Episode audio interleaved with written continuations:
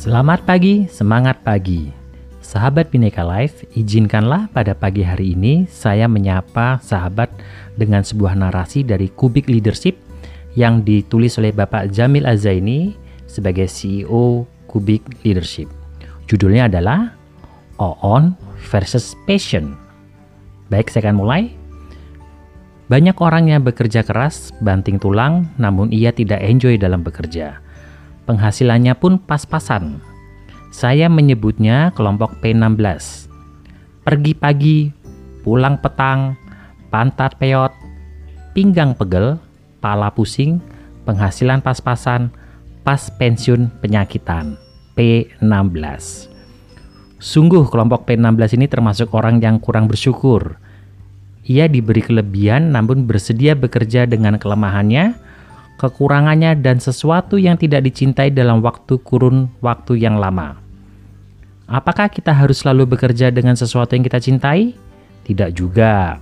Untuk terus bertumbuh, terkadang kita perlu melakukan pekerjaan yang tidak kita cintai sebagai bagian proses untuk mencapai yang terbaik. Tetapi itu tidak berlangsung lama. Selain itu, sang pelaku pun menyadari dan menikmati meski mungkin prosesnya berat dan melelahkan. Hidup itu singkat, Sungguh oon atau bodoh apabila kita memilih menjadi kelompok P16 tadi. Maka, nikmatilah hidup yang singkat ini dengan melakukan pekerjaan positif yang kita cintai. Nikmati dan hasilkanlah. Saya menyebut bekerjalah dengan passion. Cobalah pelajari perjalanan hidup orang-orang sehebat di profesi mereka. Hampir semua melakukannya karena passion, mereka enjoy, mereka menikmati, mereka bersedia mengasah dan terus belajar dengan penuh sukacita. Orang-orang yang bekerja dengan passion inilah yang pada akhirnya memperoleh empat ta. Harta, tahta, kata, dan cinta. Di atas rata-rata. Mau? Salam sukses mulia, Jamil Azaini, CEO Kubik Leadership. Baik, sahabat Bineka Life, jadi kita mau pilih mana?